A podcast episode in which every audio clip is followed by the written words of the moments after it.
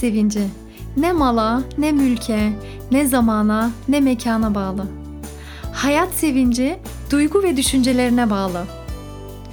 Duygu ve düşüncelerin mekanına, Pedagog Abla kanalına hoş geldin. İsmim Ebrar Demir. Uzman pedagog olarak kaybettiğin hayat sevincini tekrar bulman için seni destekleyeceğim. İyi dinlemeler.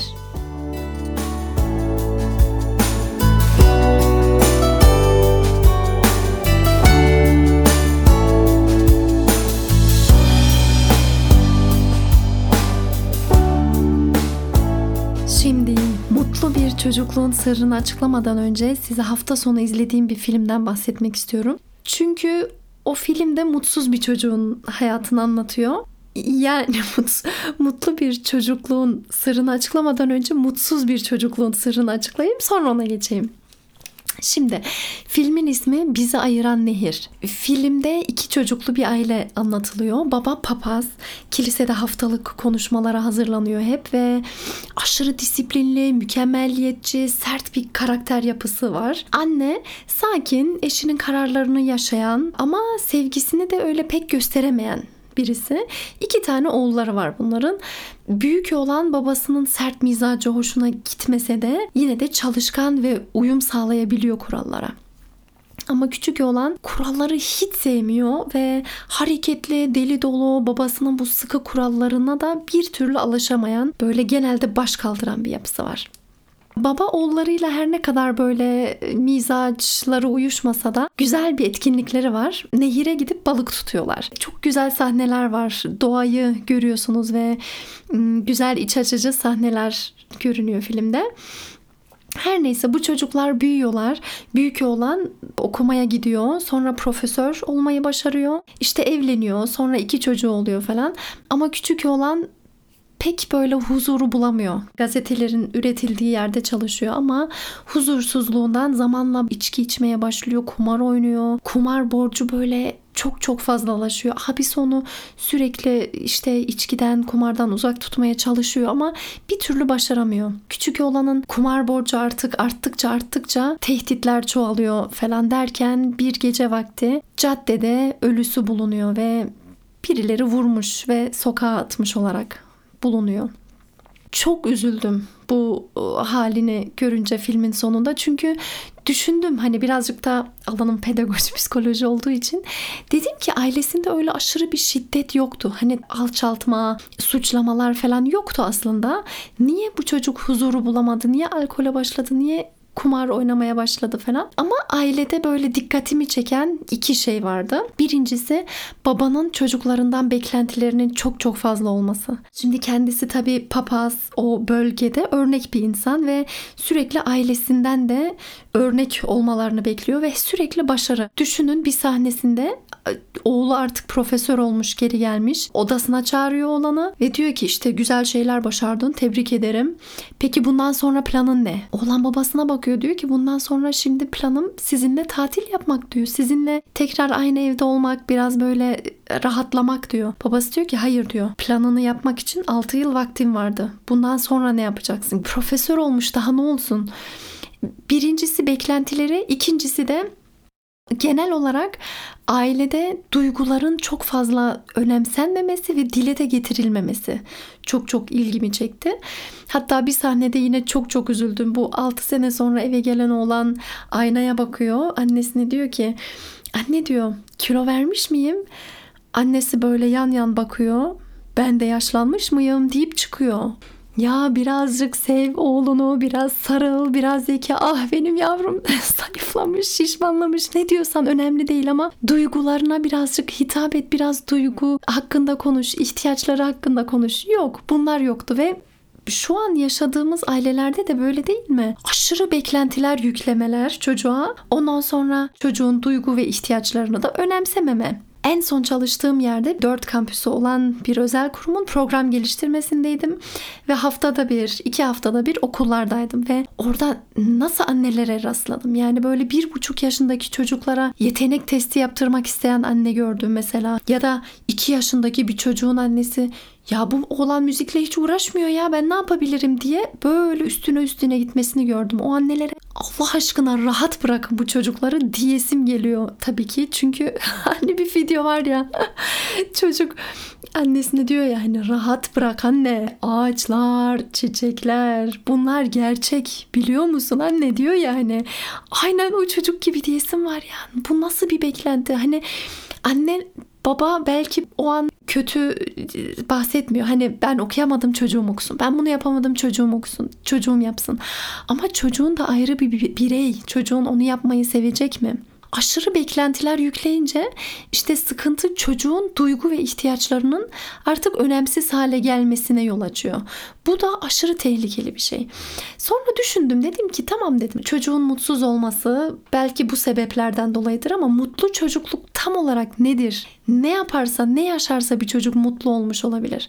Ve araştırdım. Nörobiyolojinin bulguları şu an çok çok ilerliyor bu konuda ve artık sadece nörobiyolojide bakılmıyor. Artık pedagoji, psikoloji el ele iç içe çalışıyor ve bir çalışmada şunu gördüm. Deniliyor ki mutlu çocukluğun bir tane sırrı var. O da çocuğun kayıtsız, şartsız sevilmesi. Çocuğun kayıtsız, şartsız sevilmesi.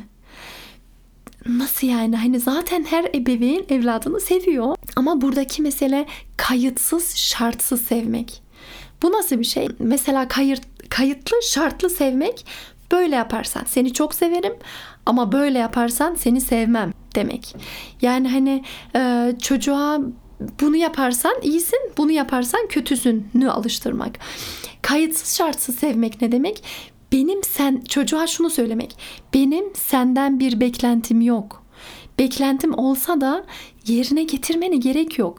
Yani getirsen sevinirim ama getirmesen de seni çok severim. Benim benim sevgim için değişmen gerekmiyor. Seni olduğun gibi ben zaten seviyorum. Sen yeterlisin. Sen olduğun gibi çok güzelsin ve iyisin. Değişmen gerekmiyor bu demek. Yani aslında sevgiyle alışveriş yapmamak ve hep vermek, hep vermek ve hep vermek. Geri de istememek. Bir çocuk bunu hissetmek istiyor işte. Çünkü çocuğun aşması gereken zaten bir sürü hayat görevi var. İşte yürümeyi öğrenecek, okumayı öğrenecek, okuma yazma, kimlik oluşturmak, işte yeteneklerini keşfetmek, hayatı anlamlandıracak. Aşırı yük bu aslında çocuk için. Kendisini keşfetmek başlı başına zaten bir şey. Bunu biz yetişkinler bile hala yapmış olmayabiliriz. Ama doğal haliyle gelişebilmesi için seviliyor olduğunu bilmesi gerekiyor çocuk. Yoksa sürekli takılıyor. Ben kimim ki, nasıl yapabilirim ki falan. Çünkü çocuk şunu öğrenmiş. Ebeveyni tarafından sevilmek için kendi ihtiyaçlarını, duygularını yok sayması gerekiyor. Çünkü anne bir şey diyor ya bunu yapacaksın, bunu edeceksin, bu böyle yapılır gibisine ve benim duygu ve ihtiyaçlarımı yok saymam lazım ki annem beni sevsin. Çünkü sevgi de büyük bir ihtiyaç. Çocuk sevilmek için her şey yapar. Duygularını hiçe sayar, ihtiyaçlarını hiçe sayar. Ama ne olur sonra yaşamı sürdürebilmesi için bir strateji bulması gerekiyor. Hani ne yapıyor? Duygu ve ihtiyaçlarını yok saya saya kendisine yabancılaşmaya başlıyor. Çünkü ihtiyaç kötü, duygu kötü, sevilmek istiyorum ben. Ama büyüdükçe, yaş geçtikçe sen nereye kadar saklayabileceksin ki? Duygu ve ihtiyaçlar sana ait bir şey. Duyguyu ve ihtiyaçlarını bir yere koyup da çalışamazsın ki sen. Dolayısıyla ben kimim sorusuna takılıp kalıyor çocuk ve yaşı 20'ye de gelse, 30'a da gelse, 40'a bile gelse ben kimim ki, ben yeterli değilim ki gibi sürekli böyle lüzumsuz soru işaretleri, lüzumsuz şeylerle huzursuz oluyor çocuk.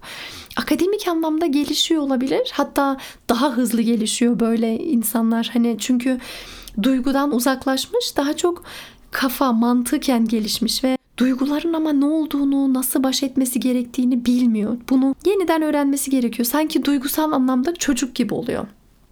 En kötüsü de neyi biliyor musun? Depresyon, korku, bağımlılık bir şekilde bu çıkıyor ve bununla ömür boyu mücadele etmesi gerekiyor. Gerçekten gitmiyor da hani psikoloğa da gitse, psikiyatriste de gitse, hap da alsa pat diye geçen bir süreç değil bu.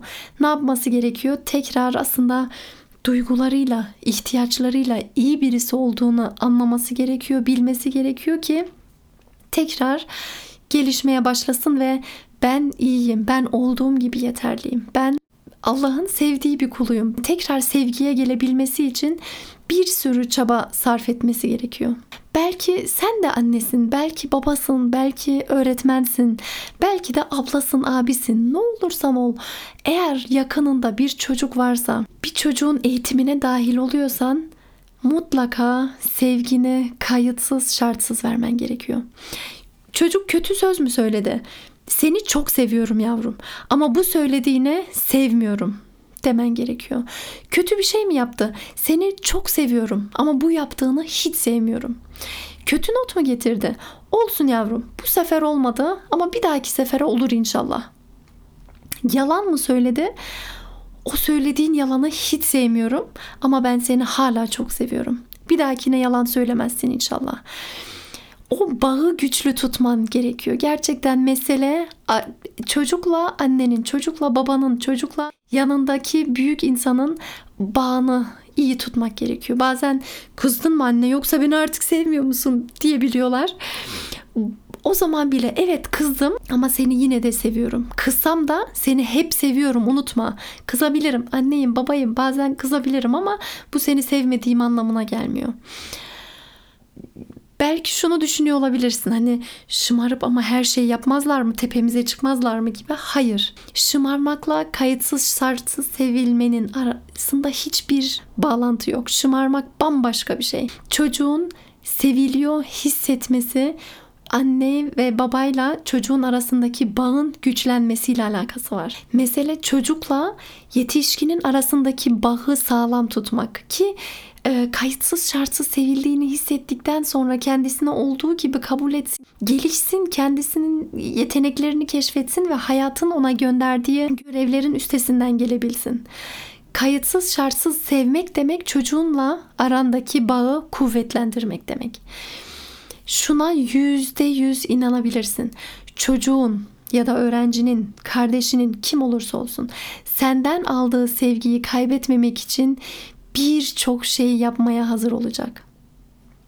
Aldığı sevgiyle artık kötü söz söyleme onu bırakacak zaten. Kötü davranışlardan da vazgeçer. Kolayca vazgeçebilir. Yalan söylemeyi de bırakır. Çünkü onun aldığı o sevgi o kadar değerli ki söylediğim yalan mı önemli yoksa aldığım sevgi mi önemli? Tabii ki sevgi önemli. Hem de kendisi buna karar verecek. Artık yalan söylemek istemiyorum diyebilecek. Çocuklarımıza beklentilerimizi yüklememeyi ve kayıtsız şartsız sevmeyi hatırlatan çok sevdiğim güzel bir şiir var. Halil Cibran'ın. Onu paylaşmak istiyorum. Çocuklarınız sizin çocuklarınız değil. Onlar kendi yolunu izleyen hayatın oğulları ve kızları. Sizin aracılığınızla geldiler, sizden gelmediler. Ve sizinle birlikte olsalar da sizin değiller. Onlara sevginizi verebilirsiniz, düşüncelerinizi değil. Çünkü onların da kendi düşünceleri vardır. Bedenlerini tutabilirsiniz, ruhlarını değil.'' Çünkü ruhları yarındadır.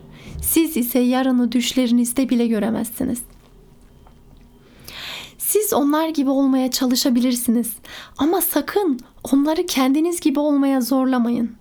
Çünkü hayat geriye dönmez. Dünle de bir alışverişi yoktur. Siz yaysınız, çocuklarınız da sizden çok ilerilere atılmış oklar. Okçu sonsuzluk yolundaki hedefi görür ve o yüce gücüyle yayı eğerek okun uzaklara uçmasını sağlar.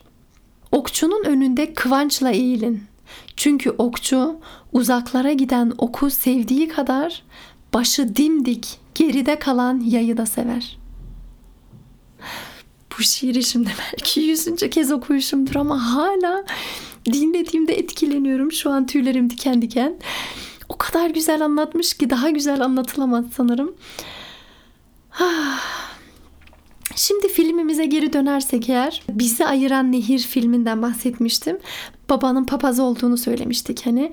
Filmin sonunda küçük çocuğun ölüsü bulunuyor ve filmin son sahnesi.